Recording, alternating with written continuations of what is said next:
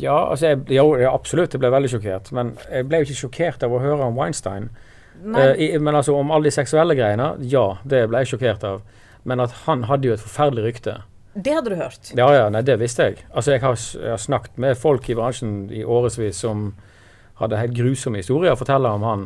Akkurat. Som at har han jobba var en drittsekk, rett og slett. ja, som har jobba direkte med han på, fra dag til dag. Om at han var helt forferdelig uh, å jobbe for.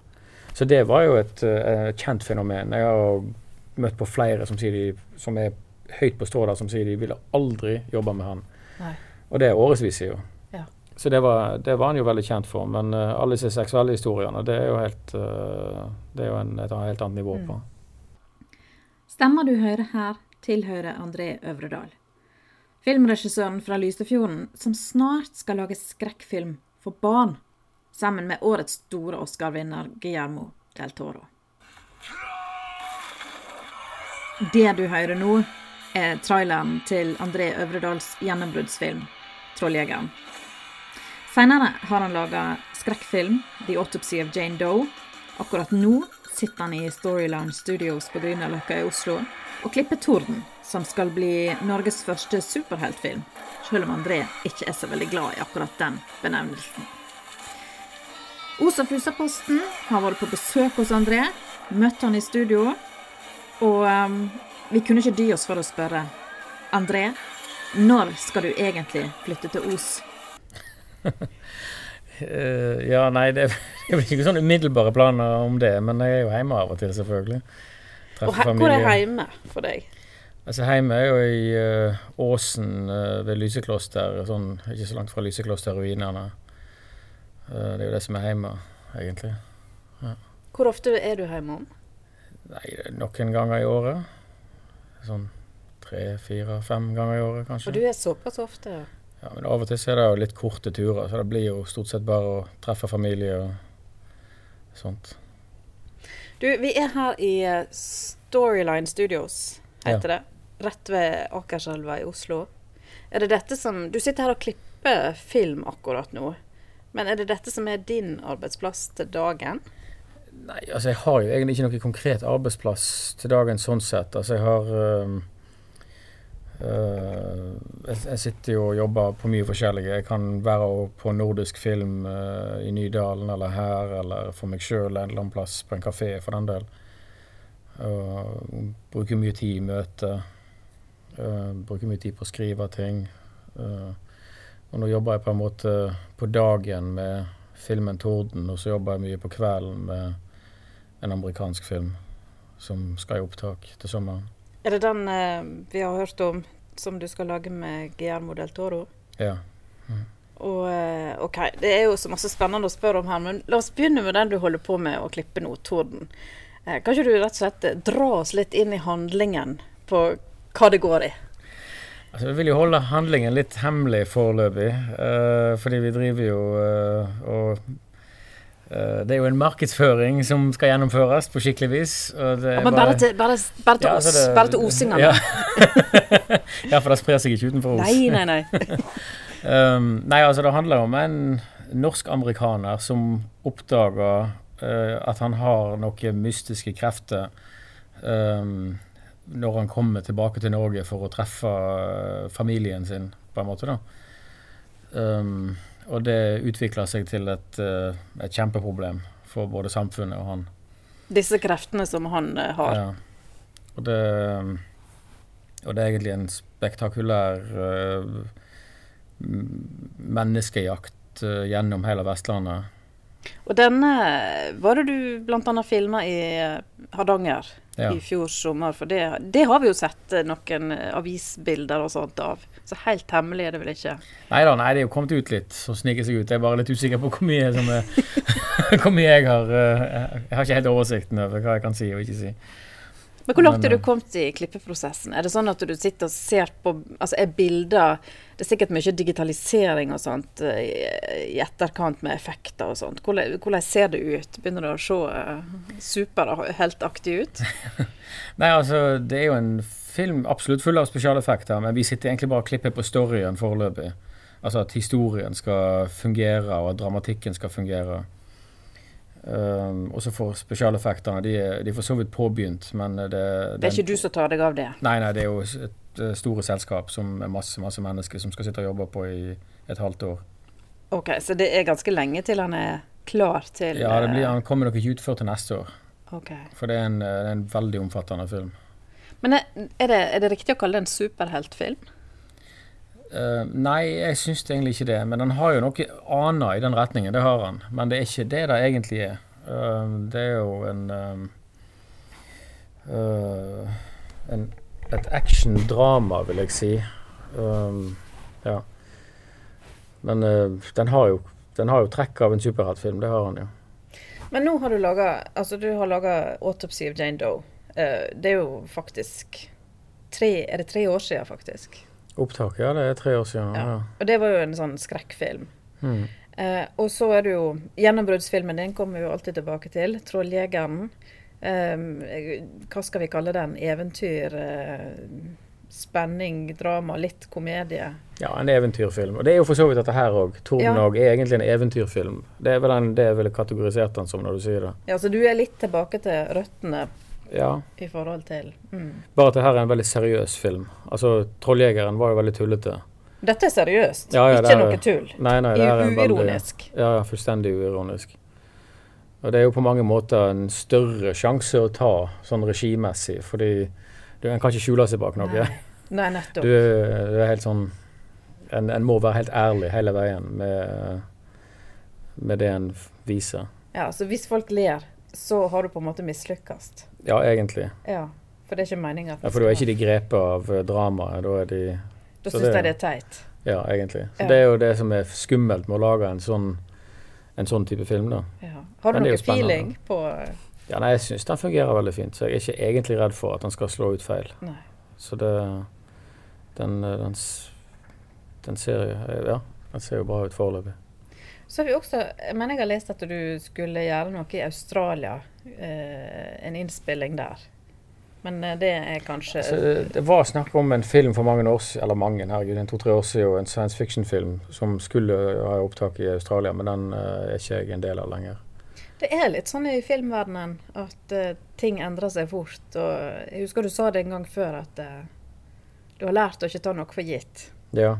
Nei, det Sjøl nå med denne her, eh, filmen som uh, Del Toro skal produsere, så selv om den er bare noen måneder unna, så er jeg jo alltid redd for at et eller annet galt skal skje, liksom. Så det er jo Har det noe å si at han Altså, han har nå vært en stor regissør lenge, han er ikke noen nykommer. Men det at han, at han uh, vant disse Oscar-prisene og er veldig sånn på, eh, på alles lepper akkurat nå, har det noe å si i forhold til de planene dere har? Altså, Betyr det at han kan bli snappa opp av noen andre plutselig, eller? Nei, nei, altså, den, eh, nei, altså det eneste er at det i teorien gir litt mer trygghet på at filmen blir gjennomført. Det at produsentene, begge produsentene på denne filmen her og nettopp vant Oscar eh, for beste film, det er, jo, det er jo bare en soliditet i det som jeg håper trygger at filmen blir lagd. Du må fortelle litt om, eh, om den eh, filmen. Altså, Den er basert på en bokserie Ja. eh, som kanskje ikke er så kjent i Norge. Den var ukjent for meg iallfall, men det er ganske mange som har et sterkt forhold til eh, disse bøkene. Har du, du har sikkert drevet og lest deg opp sjøl. Ja, nei, jeg har jo lest historiene. Nei, altså det er jo en, eh, det er en, um, en, ja, en serie med i hovedsak tre bøker um, som, har hatt, som har en veldig stor status i, amerikansk, uh, i det amerikanske samfunnet. Alle fra unger til godt voksne uh, husker liksom å ha lest eh, eller har et forhold til disse bøkene. Stories to Ja, scary stories Scary. to tell in dark. Scary story, ja. Skumle historier som man forteller i mørket. Ja. Ja. Og det er jo det de, de er veldig gøye å lese høyt i mørket. Men altså, kjære André Øvredal, du har jo laga en skrekkfilm da, som jeg har altså besøkt innspillingen av. Og jeg har ikke turt å se den ennå. Eh, eh, blir du ikke redd? Jo, jeg ble jo redd, men det er ikke så lett å skremme meg altså, Det er ikke så lett for en film å skremme meg, det må jeg jo tilstå. En sitter jo ofte og bare teller ned til neste skrekkpunkt. Eller så du gjesper, der kom den! Ja, nei, altså, det, det skal mye til uh, å, å skremme. Det gjør, fordi en er så observant på alle triksene.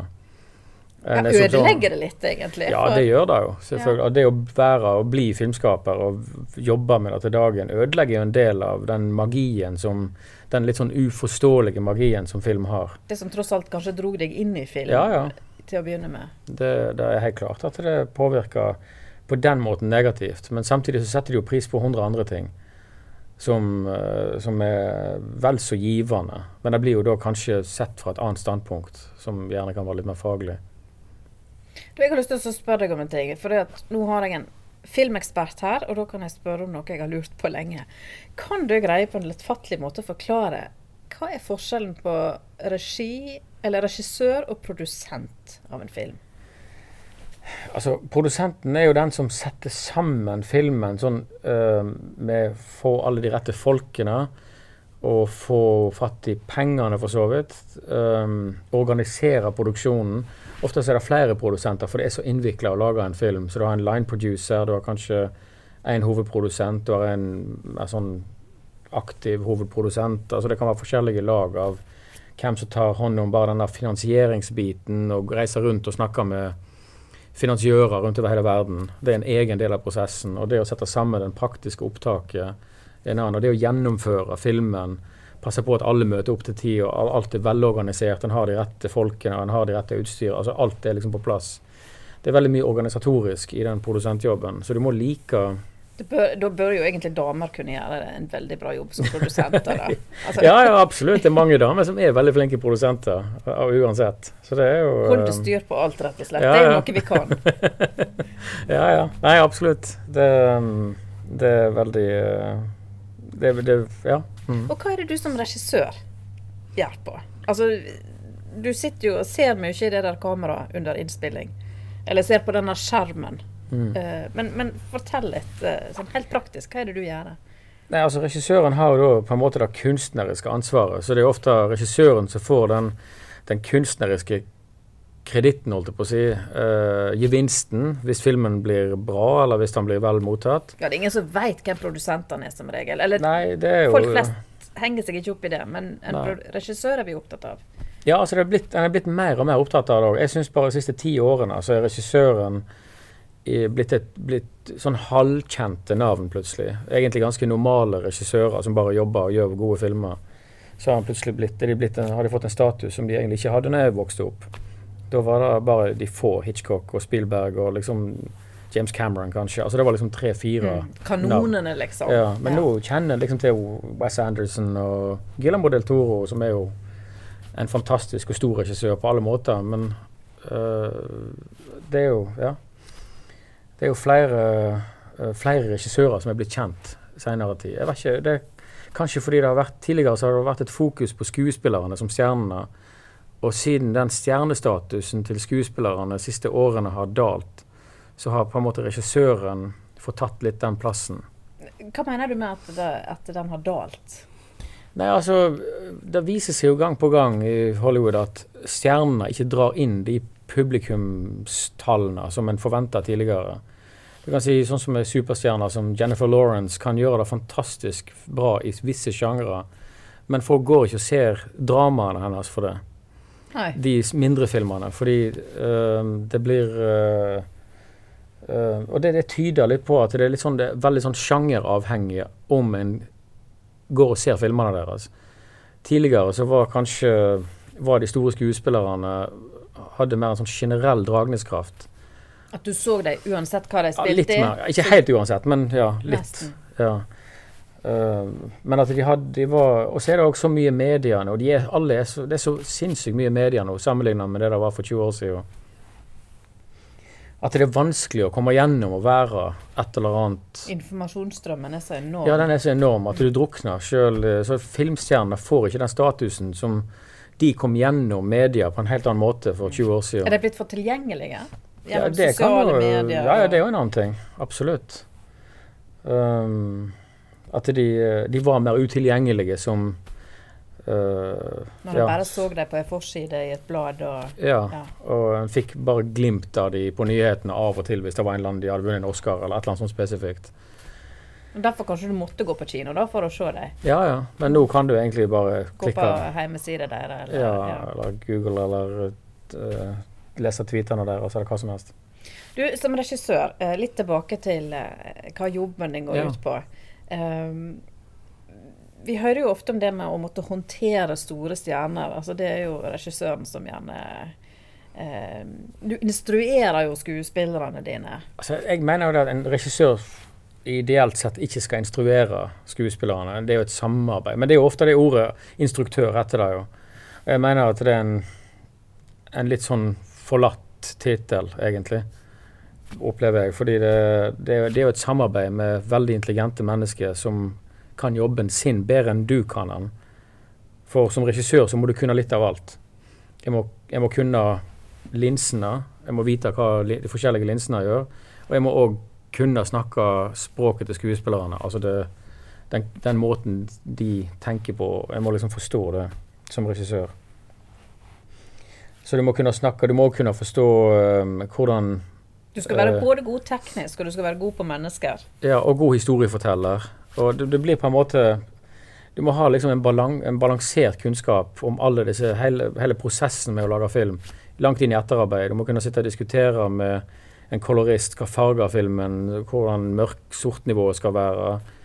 Og spesialeffektsfolk om hvorfor den bevegelsen der ikke helt funker, eller hvorfor det bildet ikke Hvorfor det laget ikke funker på det levende bildet. Altså, det er så mye greier. Og Så- som regissør så, så er det på en måte Du har rett til å henge deg opp i alt mulig, sant? Ja.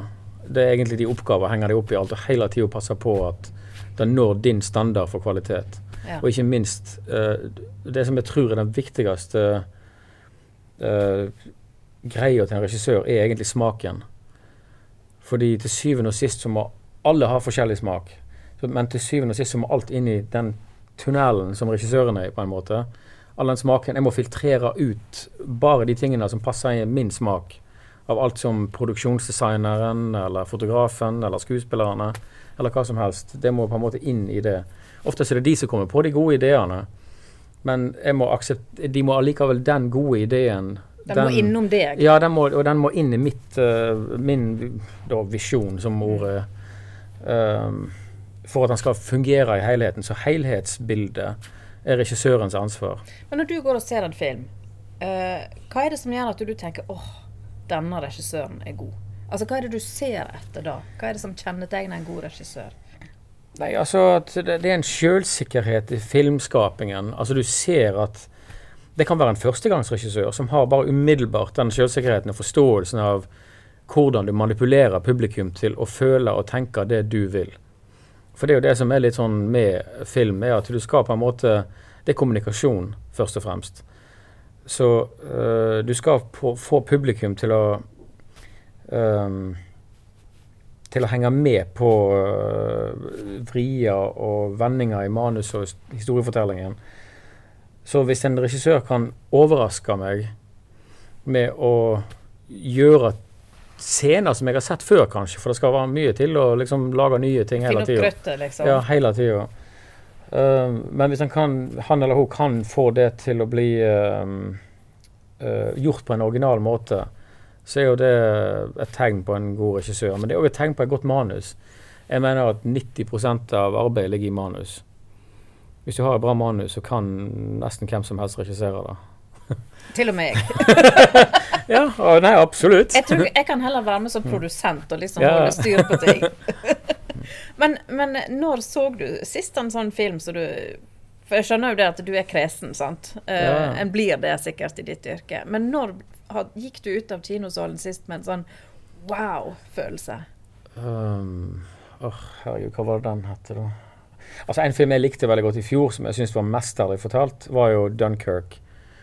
Um, den krigsfilmen. Den var så original. Det er jo en krigsfilm, og du har sett 100 krigsfilmer i løpet av livet. En veldig forslitt sjanger, egentlig. Ja, på mange måter, men den var gjort så spissfindig og så uh, unikt på en eller annen måte at jeg øh, Er det følelsen veldig- du sitter igjen med når du har sett den, som på en måte Eller er det håndverket du på en måte blir imponert over? Det er jo håndverket som skaper følelsen. Så på en måte så blir du imponert over håndverket som får deg til å føle på den måten. Så det er jo når du bedriver Når du sitter og har halvt øye på på måte på den tekniske gjennomføringen som forårsaker de følelsene hos deg. Og hvis du ikke greier som fagperson å skjønne den sammenhengen med hvorfor føler jeg dette her nå, hvorfor føler jeg denne intensiteten, så har du et Du skjønner jo på en måte objektivt hvorfor du føler sånn, Mm. hvis en har kunnskapsnivået, da. Og det er jo eh, veldig Den filmen var jo uh, fantastisk. Og så er det jo selvfølgelig 'Shape of Water', med, så uh, Guillermo del Toro lagde. Og det sier ikke du bare fordi du skal lage film med han. Nei, nei, altså jeg, jeg syns det var en helt fantastisk film. Den, var, den er så gripende og så menneskelig oppi det, det å greie å fortelle en så eh, varm og menneskelig film i en sånn mystisk konstellasjon, på en måte, da.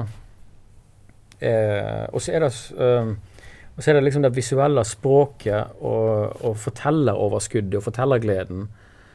Eh, den, den er så uh, Den gjennomsyrer hele filmen, så du blir glad av å se på den. Det er akkurat som med Cinema Paradiso eller Amelie eller sånne filmer. Det er liksom i den, Feel good-filmer. ja, som- feel good, men det er jo, det er jo mye dybde i det. Men det er absolutt uh, Det får deg til å sitte og smile bare over Det er en sånn livsglede i At du går liksom oppmuntra ut av kinosalen, nesten. Ja. Ja. Men du, i, ehm, når, når, når jeg fikk lov å besøke deg på filminnspilling i London for tre år siden. Så jobber du jo med to store Hollywood-stjerner.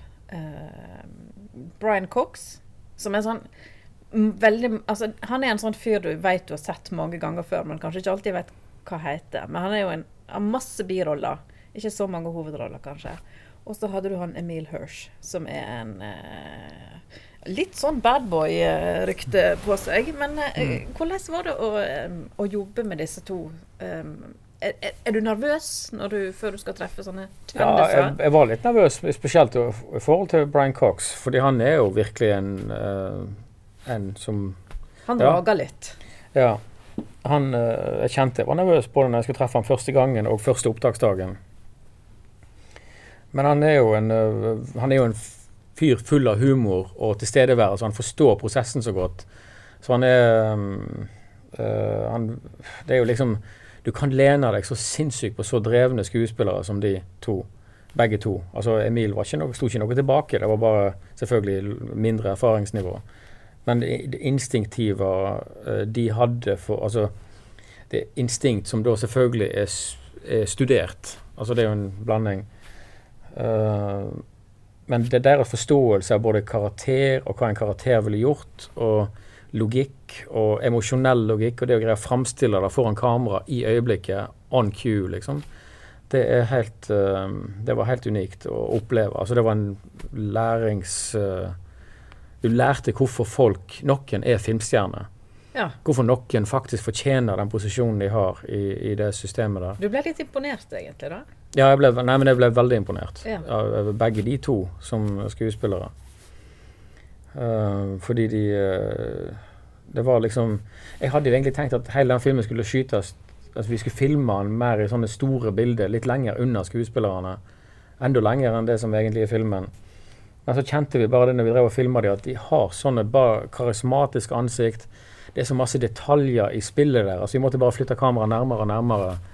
Bare for å fange alle, alt det fine som vi gikk glipp av i de større bildene. Så du kan godt hive deg rundt, underveis hvis at du eh, Det er ikke sånn at ting er hogd i stein eh, når du regisserer, at alt må gå sånn som du har tenkt. Du kan godt improvisere litt. Ja, Det tror jeg er en nødvendighet for en regissør. For det er alltid, om ikke du får sånne behov, så er det alltid et eller annet merkelig som skjer på opptak, som gjør at du må snu deg rundt. Bare det at tida renner ut, og du, det, du har egentlig plutselig tre timer til å skyte noe som du veit tar sju timer, bare av erfaring. Du, den filmen foregår i et eh, eh, hva skal vi si, likhus, eller en, en, en kjeller egentlig, med et eh, far og sønn som er patologer.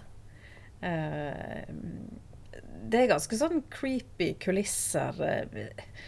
Nok en gang, altså. Du, du, ikke, du syns ikke det er litt skummelt å være der sånn litt seint på kvelden når du, alle andre er gått fra settet og Nei, altså det, egentlig, Jeg er såpass rasjonell, men, men jeg husker det var en morgen jeg var der liksom klokka fem-seks om morgenen, og det var ingen andre der. og Jeg skulle bare inn og forberede meg. Og bare, Det var en av de første dagene, faktisk. Og gikk gjennom det mørke settet der i den store hallen der.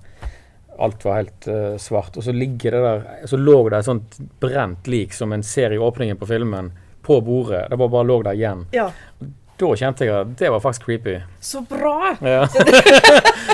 Det er litt menneskelighet, liksom. ja, for jeg, jeg, jeg må si jeg husker, husker lukta av det der filmblodet. ja. At det er sånn søtlig, nesten sånn der gatekjøkkenlukt. Ja. Men det var mye kroppsdeler og eh, silikon eh, Ja. Dukker som ser veldig livaktige ut. Ja, ja, og Det som er fantastisk med det de gjorde, var det at det så bedre ut i filmen enn det de gjorde ut i virkeligheten. Ja. Altså Det så veldig, det så liksom ekte ut, sånn, men når du satte kamera på det, så bare, var det bare helt magisk. Det forsvinner på en måte illusjonen litt. Ja, eller altså det, det som forsvinner, det som Det lille feika, uh, uekte som er igjen i, i det lateksmaterialet, eller hva det er for noe, det, er, det forsvinner når du har eh, Når, um, når det kommer på film, rett og slett. Ja, ja, når kameraet får registrert det, Altså, når det rette lyset kommer på, og rette skyggene og alt altså Ikke det at en skjuler noe, men bare når det blir forma av lyset, så så det bare Og de visste liksom nøyaktig hvor mye litt sånn eh, væsker som skulle være på og for at det skulle se fint ut. Det, var, det var en stor opplevelse òg å se fagfunksjonene der, hvor flinke de er i det å skape det der greiene der. Jeg husker han ene produsenten som var der, han eh, Når jeg spurte han hvordan det var å jobbe med deg, så sa han at Andre is ridiculously nice. Okay, Jeg greier ikke å si Det var et vanskelig ord. Ridiculously. Men altså, det var tydelig at, eh, at jeg syntes det var storveis å jobbe med deg. Uh, nå skal du snart i gang med en ny Hollywood-film med Guillermo del Toro. Vet du noe om hva skuespillere du skal jobbe med der? Nei, ikke ennå. Men det blir jo egentlig stort sett filmen er fokusert på ungdommer. Så det blir nok neppe noe stjerne i den forstand. Vi må liksom finne de ungdommene. Men det kan jo være morgendagens Leonardo DiCaprio. Ja, det, kanskje, ideelt sett så er det jo det. Absolutt. Vi vil gjerne skape noen nye stjerner, men det er nok ikke stjerne i utgangspunktet. Men det, har du vært borti sånn Nok en gang mellom oss her. Uh, har du vært borti noen sånn skikkelig blærete skuespillere som er med masse nykker og Nei, men altså Er det Det, finnes jo øyeblikk der en herregud, det var jo drøyt. Men en har det jo sjøl òg, så Ja, kan Det- du være litt uh... en har alltid noe du, kan, har du- øyeblikk der en ikke er det perfekte mennesket. Men, har du, men altså, jeg um, Det var tydelig at eh, produksjons... Eller pub, publisistfirmaet hadde veldig stor respekt for deg. Eh, og det var veldig vanskelig å få slippe inn på deg som journalist fra Os og Fusa-posten. Eh, du ble virkelig behandla som en stjerne eh, under den filminnspillingen. Eh, holdt på å si, Har det gått deg til hodet, eller føler du at du er fortsatt bare André fra Åsen? Nei, det er jo absolutt altså fortsatt øh, meg sjøl. Men det er bare um, Altså det, Når en har en suksess, så får en jo litt mer respekt. Altså Det en sier, får litt mer gjennomslagskraft. En får litt større muligheter, en får litt bedre muligheter til å, til å gjøre Til å presse grensene litt lenger, eller uh, En blir tilbudt litt større ting. Og, øh, altså Uten Jane Doe så hadde jeg jo ikke fått eh, Scary Stories, Mm. nei. nei. Um, for det var veldig morsomt. Guillermo tvitra jo om film, altså om Jane Doe, at han likte den i Ja, han var januar. begeistra. Ja, i januar i fjor, liksom. Så det var jo Og så et år seinere så sitter jeg der og skal samarbeide med han. Så det er virkelig eh, Den har åpna mange dører for deg. Ja, den har det. Den har åpna enormt masse dører. Men du holder litt igjen, eh, fordi du har ikke så lyst til å flytte til Hollywood? Eller? Nei, altså det, det passer ikke inn i livsstilen eller livssituasjonen. Så ja. Men hvis du hadde gjort det, hadde det Altså hadde det åpna enda flere dører? Er det sånn at du Altså hvis, en, hvis du kun skulle tenke karriere, burde du ha gjort det? Ja, det er nok helt klart. Altså, det å ikke være der borte stenger jo 90% av dørene. Uh, jeg er bare borte om sånn to uker ny og ned. To uker nå, to uker da, og kanskje et par ganger i året. Hva er det som gjør at du ikke vil? Nei, altså vil. eh, Det handler mer om min egen livssituasjon. At den ikke Det passer ikke. Uh, familie og sånne ting. Da velger du faktisk det foran Ja. Hollywood. Ja, ja. Så, ja. Men eh, det er jo eh, Det her er jo da en Hollywood-film, så den skal jo den skal filmes i Toronto, som åt, altså, holdt på å si 80% av Hollywood-filmer blir ikke fullt så gale, men uh, veldig mange. Og er jo så definitivt en, uh, en Hollywood-film med et amerikansk studio i, uh, i ryggen. Og, så alt er jo etter den oppskriften, på en måte. da. Men Får du sånn her stol med navnet ditt på ryggen? Sånn, og egen eh, trailer og Så, ideelt sett så har jeg ikke tid til å sitte når, på en opptaksdag. Helt sånn, men den sitter jo akkurat under, akkurat under tagningen, så sitter den jo som regel, og så løper den bare rundt. Ja. Det er travelt. Ja, det, Ja. Men det bør jo være travelt, for ellers så sløser en vekk tida. Ja. Hvis ikke en har det travelt, så, ba, så For det koster så vanvittig mye for Ja, ja, hvert er minutt som går. ja, det er titusenvis av kroner for timen, liksom. Så du, du har et an, veldig ansvar for framdrift og, og bruk av pengene riktig. Du, eh, du er jo osing. Selv om det hvor lenge, hvor lenge er det siden du egentlig bodde hjemme? Det begynner å bli en del år. Ja, altså det er vel Jeg flytta jo fra Os til USA for å studere da jeg var 19, så det er jo noen år siden. Er jo, livet, godt og vel. ja. Ja. Men du har en drøm om å komme hjem til Os og lage film? ja, absolutt, det har jeg jo. Jeg har jo drømmer jo fortsatt om Eller drømmer, prøver jo å realisere det. Um, denne historien om Canadier-flyet, selvfølgelig. Så det er jo definitivt et prosjekt som jeg driver med, men det er jo litt i bakgrunnen. Det er det jo. Er det noe realisme? Har du, har du fått noen napp noen plass hos de som har pengene? Ja, nei, altså Det er stor interesse, det er ikke noe problem. det. Altså Krigsfilmer som forteller om eh, de norske på en måte heltehistoriene, som dette her så definitivt er, selv om det er mer hverdagslig. Det er, ikke, det er på en måte ikke kjente navn, nasjonalt kjente navn involvert. Men det er jo eh, de, de er jo alltid populære. Vi hadde jo Den tolvte måneden nettopp, Så. Ja, ja, 650 000 billetter eller et eller annet sånt. Og, som forteller de vanlige norske eh, ja, ja. folks hjelpsomhet og omsorg under krigen. Og det er vel egentlig litt det samme du Ja, det er jo det. Og det er, en, det er liksom en, den historien om det lille samfunnet som kommer sammen for å gjøre noe bra imot overmakten. Eh, og alle de risikoene og på en måte ofrene og, og all den, den dramatikken i virkeligheten som det har skapt. Mm. Så det er jo Ja.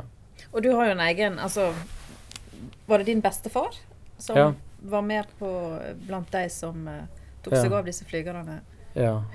Det var jo hans uh, hytte. Botnahytta. Ja. Som uh, de gjemte seg i en periode. Du, når du var liten gutt, hva var det som gjorde at du Du reiste til USA som 19-åring Ja. for å studere film. Men eh, liksom, hva var det som tente den gløden? Uh, nei, altså Jeg satt jo oppi åsen og så mye på film. Fra jeg var Var du sånn 10-12. innesitter?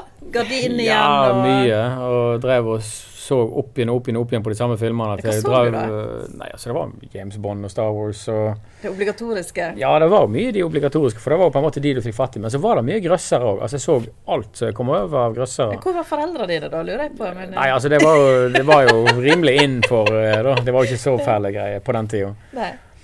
Men eh, og så husker jeg når jeg begynte på ungdomsskolen, så bodde jeg jo nesten ned på Os Video. Uh, Ja.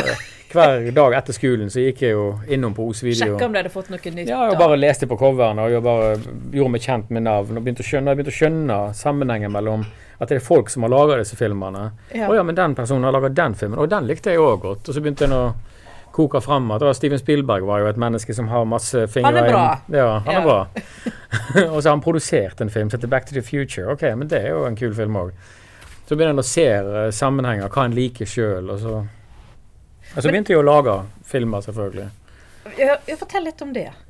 Altså, vi begynte jo sammen med kameratene mine, naboene mine, så lagde vi jo flere sånne um, actionfilmer og, og en grøsser på halvannen, nesten halvannen time. Var det liksom i skogen rundt der du bodde, Ja. eller? Ja. Det var, og gjorde masse, og vi var også ute på uh, Tysnes og lagde en varulvfilm. Og uh, det var Nei, det var mye moro. Så hvis noen sitter på disse opptakene, så kan de bli ganske verdifulle etter hvert? da? Ja, det er vel jeg som sitter på de. Er det du sitter er, det, er det godt uh, Har du låst deg ned, liksom? er det Ja, sånn at vi er i et eller- hvelv. Er du flau? Ja, det er, ikke, det er jo en uh, flauhet over se det igjen, ja. Men det er jo moro òg, herregud. Det er jo, det er jo ja.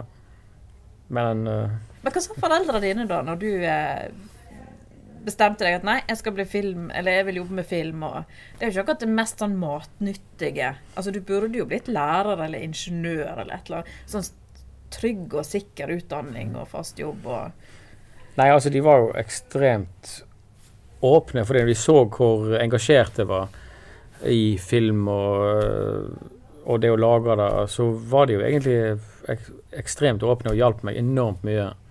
Både økonomisk og moralsk. Så de og heier på deg, da? Ja, ja, de gjorde det hele veien. Og hjalp meg til USA å få liksom en drømmesjanse som, uh, ja, som en bare kan drømme om. Det, det hadde ikke, jeg hadde ikke vært i nærheten av å oppnå noe ting uten den viljen deres til å hjelpe. Og i dag er de kanskje ganske fornøyd med det valget du tok, da? Ja, nei, og det vil jeg jo tro. Du, du lever jo faktisk av det. Ja, ja, nei, det er, jo, det er jo blitt et yrke. Jeg har jo levd av det før jeg begynte med spillefilm òg. Så var det jo reklamefilm, og det var jo en god karriere og masse moro, det òg. Og når 'Trolljegeren' kom i stand, så var jo det selvfølgelig et høydepunkt for alle. For den ble jo så godt mottatt. Du, det er nok mange i Os som kanskje ikke nesten vet, at, eh, vet hvem du er, eller vet at du faktisk er osing, nettopp fordi det er så lenge siden du eh, bodde der. Men kan, når du Vi satser på at vi, det blir noe av denne Guillermo del Toro-filmen. Kan ikke vi få til at eh, du, du og han og kanskje en skuespiller eller to At dere tar med dere filmen til Os, og så får vi til en heidundrende festforestilling i Oceana? Ja, nei, jeg skal prøve på det. Eh, Det hadde gjort seg med litt sånn eh, Du har smoking, ikke sant? Ja, ja. Og det, Mm. ja, og det, du eh, Og vi, vi fikser rød løper og sånn, og så ja nei, du med skal prøve å Jeg er- er nok litt mer sjenert enn mange når det gjelder sånne ting, men jeg skal prøve å Ja, du er ikke den som liksom danser på bordet på premierefester. Så, men jeg skal jo absolutt prøve å gjøre en innsats for å få det til å skje. Det hadde vært gøy. Fordi det var en festvisning av Trolljegeren som jeg vet du Ja, ja, det var en ja, ja, det var helt fantastisk. Herregud. Det var jo det er absolutt, fortsatt absolutt me- største visningen som har vært av filmen noensinne. Det var altså det, den innsatsen og den gleden alle hadde lagt i, eh, de hadde lagt i den. eh, Og det var jo denne dugnadsgjengen bak filmfestivalen, så det Hvis dere hører det, gutter, så Ja, nei, det- vet dere at André satte pris på det, og eh, Ja, Ja. Nei, det vet jeg jo. han, Men, eh, kom, han var- kom igjen hvis vi finner på noe i Os.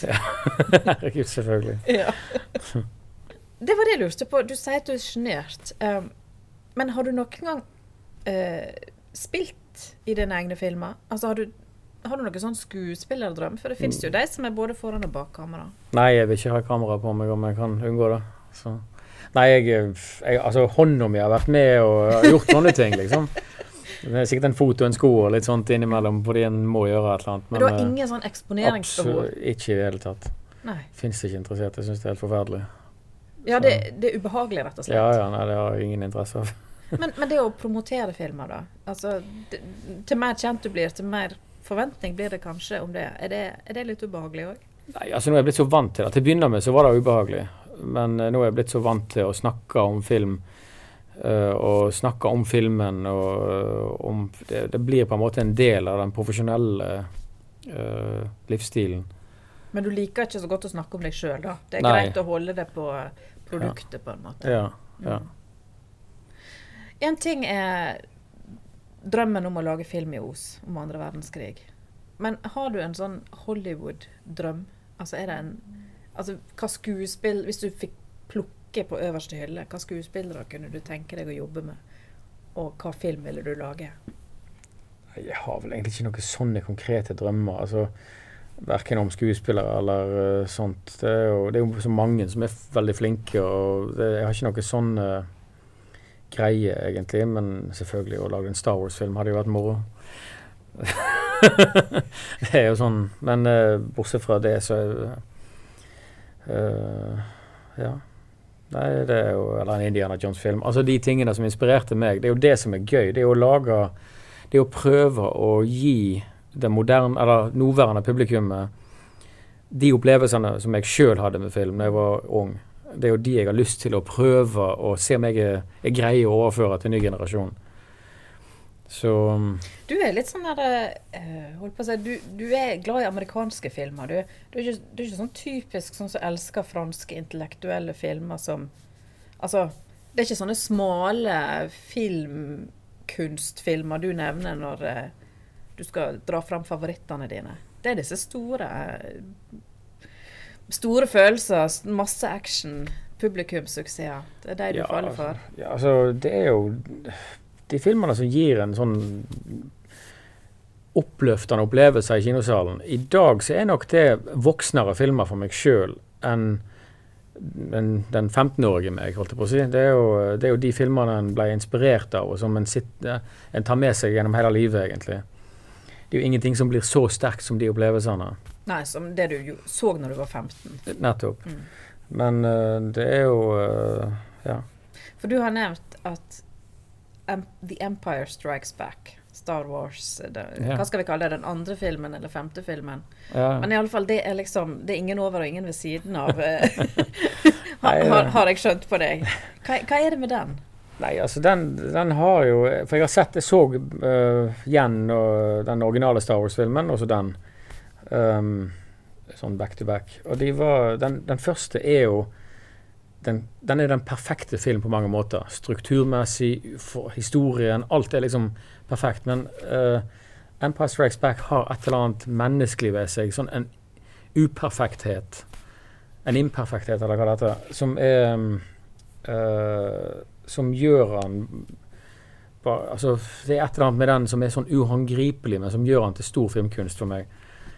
Det, det er så, Selv om det er bare på en måte fjas opp i verdensrommet med romskip og tjohei, så er alle, alle detaljene henger så fint sammen i, innenfor sitt eget Innenfor sitt eget univers og sine egne forutsetninger. Um, så det er bare, det er bare Jeg tror jeg må sånn hjem og se den opp igjen, jeg, altså. Ja, Jeg husker liksom bare at han solo blir fryst ned på slutten. ja, Og så den begynnelsen, selvsagt, oppe på Finse. ja. ja. Mm. Ja. Men, den, men den, den har en menneskelig nerve, da, som eh, Ja, det er et eller annet med samspillet mellom skuespillerne og et eller annet med bare kjemien i hele filmen som er så levende og smart gjort. Og den er så uh, Sjøl i dag, liksom Herregud, når var det? 1980? Det er en del år siden. Ja. Så allikevel så er han uh, så moderne i hele skaping, eller hele eksistensen sin. Så det er bare helt uh, Jeg syns det er en helt unik film. Har du møtt eh, George Lucas? Nei. Nei. Og ikke Spielberg heller? Nei, jeg har sett han, men jeg har ikke møtt han. Jeg har, vært, jeg har hatt masse møter på Dreamworks og Amblin. Å ja, men du har ikke Det- møtt deg. Men tror du, de, tror du de blir spurt ofte om de har møtt deg? Nei, herregud. Nei, det har jeg ikke noen tanker om i det hele tatt. Men Du, jeg, har, jeg har jo hatt prosjekter som jeg har drevet og hatt, vært nesten involvert i. Der eh, en kan jo tenkes at Du er ikke mer blasert enn at det hadde vært litt gøy å treffe deg. Jo, nei, herregud, selvfølgelig. Det Da hadde jo, du blitt eh, litt starstruck. Da hadde jeg blitt starstruck. Jeg ble jo veldig starstruck når jeg traff Chris Columbus, f.eks. Har du truffet han, ja? Ja, han lagde jo mange av favorittfilmene mine. Var det han som lagde Mrs. Doubtfire Ja, og Harry, første Harry Ja, Potter-filmen? og skrev The Goonies og Gremlins og Home Alone. Ja, ja, filmer som en vokste opp med, Ja. og som jeg så veldig opp til. Og jeg var veldig klar over navnet hans. Så når han kom da etter 'Trolljegeren' eh, kom ut og ville kjøpe rettighetene til remake, og inviterte meg, og jeg skulle jo regissere et manus som han hadde skrevet, og Da ble du starstruck. ja, da ble jeg starstruck. Oh. Men så ble det ikke noe av det, da? Nei, det ble jo ikke det. Uh, det var synd. Men jeg, jeg, men jeg kjente på akkurat det samme når jeg traff Guillermo Ja. uh, i Los Angeles i, eh, i november. Da uh, Er du litt husker- klam i håndtrykket, Ja, jeg liksom? kjente jeg var nervøs i en halvtime før han For han var litt for sein til en lunsj liksom med alle produsentene og studioet. Og de hadde, det var på et sånt luksushotell, og de hadde liksom omtrent det var bare oss i hele restauranten. Uh, og da satt vi og venta på at han skulle komme. Han var litt forsinka, 20 minutter. Jeg kjente nervøsiteten, den bare steg. Men han var bare så varm og hjertelig og oh. åpen og, og overstrømmende at den Altså den personen som ser på TV, som holder fine taler og sånt, han er, det er det mennesket han, faktisk er. Ja, altså ut ifra min lille erfaring, da, selvfølgelig. Men det, det er en veldig genuin person. Ja, for det er ikke alt som er like genuint i dette miljøet her, eh, vil jeg tro. Eh, men eh, holdt på å si, Hvordan takler du den nervøsiteten? Altså, Hva er det du tenker da for å prøve å liksom roe deg sjøl ned? og eh, Har du noen sånn triks for det? liksom Pust sakte. ja, men Hva er det du liksom prøver å peppe deg sjøl opp med før du skal inn i sånne møter? Nei, altså det er jo bare å være forberedt. Um, det er å prøve å være så godt forberedt som en kan på det en skal snakke om. At du ikke skal Um, falle gjennom faglig, i alle fall. Ja, i hvert fall. uh, men um, Så det er jo Men òg bare å være, være meg sjøl og prøve å bare være til stede og være et hyggelig menneske, liksom. Det er jo, en er jo, det, er jo det som er med Hollywood. altså Ja, det er jo en øh, kynisme selvfølgelig i et sånt system, men jeg møter ikke den så mye, egentlig. Uh, jeg møter stort sett mennesker som er ekstremt glad i film. Til og med mer glad i film enn det jeg er. Og som er kjemper for å få disse filmene til å fungere og få de opp og stå, og jobber med de årevis og årevis. Som Fred, som du traff òg. Han har jo jobba med Fred Altså- Berger, som var produsent av Jane Doe, og Ja. La La Land, som ja. Mm. Og, han, og den um, øh, Og han òg er jo en, en ekstrem forkjemper for filmen. Og har jobba med det manuset i flere år i den tro at dette her skal bli en fantastisk film. I, lenge, lenge før han uh, involverer meg, eller en regissør. Og de menneskene finnes det veldig det er de menneskene som egentlig greier å komme seg opp. Det er selvfølgelig noen sånn kynikere som vinner, kommer seg opp med å albue seg opp, men det er veldig mange av de der idealistene. mm. Og sånn som på Scary Stories nå, så jobber jeg egentlig bare med sånne idealister. Mm. Og det, en, øh, og det gjorde jeg òg på Jane Doe. Og da kan en trives på jobb. Ja, egentlig. For da vet du at alt kommer fra et genuint øh, ønske om å lage best mulig film, og da har en et felles mål, alle sammen. Du går om og spør deg om eh, Det siste halve året har jo handla mye om egentlig skandaler og grums og drit, hadde jeg nær sagt, ifra Som begynte med Harvey Weinstein og avsløringene der. Eh, holdt på å si, Er dette noe du har Disse tingene, er det noe du har eh, støtt på? Nei, jeg har egentlig ikke det, altså. Det er sånn øh, Jeg ble spurt uh, i et annet intervju om det òg, og det, jeg har ingen uh, opplevelse av at det der er noe uh, De tingene som en leser om der, som er så graverende og er helt borti natta Jeg har ikke sett det noensinne på et filmsett. Det er jo Men altså, jeg er jo ikke en del av det, noe sånt miljø, så jeg ser ikke den, den livsstilen som følger en del av disse folkene der. Um, Blir du, er du sånn at du blir like Altså, jeg kan si at åh, jeg ble litt sjokkert Mm. uh, når du hører hva som foregår bak i, i kulissene, men blir du òg det? Ja, altså jeg, ja, absolutt. Jeg ble veldig sjokkert. Men jeg ble jo ikke sjokkert av å høre om Weinstein. Eh, i, men altså om alle de seksuelle greiene, ja, det ble jeg sjokkert av. Men at han hadde jo et forferdelig rykte. Det hadde du hørt. Ja, ja, nei, det visste jeg. Altså, jeg har, jeg har snakket med folk i bransjen i årevis som hadde helt grusomme historier å fortelle om han. Akkurat. Som har han jobba drittsekk, ja, ja, som har jobba direkte med han på, fra dag til dag. Om at han var helt forferdelig øh, å jobbe for. Så det var jo et øh, kjent fenomen. Jeg har møtt på flere som, de, som er høyt på strå der, som sier de ville aldri jobbe med han. Nei. Og det er årevis siden. Ja. Så det var, det var han jo veldig kjent for. Men uh, alle disse seksuelle historiene, det er jo helt uh, Det er jo en, et helt annet nivå Mm. på. Ja, fallet hans har iallfall vært stort. Han kommer vel aldri tilbake igjen, Nei, det er jo øh, mest sannsynlig så ender han vel opp i fengsel. Du, eh, jeg skal gå inn for landing her, André, men eh, eh, rent sånn eh, litt nysgjerrig. Eh, du har jo en kjæreste, ikke sant? Og eh, regner med at kanskje av og til når dere skal slappe av, så ser dere en film. Hvordan ser å se film sammen med deg? Altså er, det helt forferdelig? Sitter du bare og åh, sukker og stønner over hvor teit ting er, og, og sånn? Eller liksom, hvordan er du? Nei, jeg kan nok være litt sånn. Altså, det, jeg gir egentlig en film ti minutter. Hvis ikke han engasjerer meg i løpet av ti minutter, så vil jeg slå han av. Jeg er beinhard med dem. Fordi det Ja. Det, det er så mange filmer å se, og hvis ikke en Men hvis hun liker han, da? Nei, det er jo liksom- det. Da sitter en jo og ser sammen og koser seg. Men ja, nei, jeg kan nok av og til være litt slitsom å se film med. Men nå så vi nettopp uh, uh, to sesonger av American Horror Story. Og da sa jeg egentlig Da sa jeg ikke mye. Men var det sånn, Er det du som velger film, da, eller er det hun, hennes ønske? Nei, det varierer jo. For, den, var ja, for den er jo eh, litt sånn uh, Litt Ja, ja, i din men- sjanger, men Ja, er altså, det var for så vidt hennes ønske, eh, iallfall andre sesongen. Jeg husker ikke. Det var et felles ønske, egentlig. Ja. Men du kan godt sitte hjemme og se på Netflix-serier og sånt og kose deg med det. Jeg ser veldig lite serier, men uh, det er egentlig det eneste jeg har sett på flere år av serier. Men, eh, men eh, en litt vanskelig filmpartner, da, kan vi kalle deg. Ja, det kan være. Jeg prøver, prøver å være observant på det, men Det kan hende du sniker deg på do og aldri kommer tilbake, liksom. Du, tusen takk for eh, praten. Uh, lykke til videre, da. Både med Torden og med Scary Stories. Og uh, ikke minst uh, håper vi at du kommer til Os snart, og at det blir noe av filmen der. Og eh, hvis du bare har lyst til å komme på besøk, så er du veldig velkommen da òg.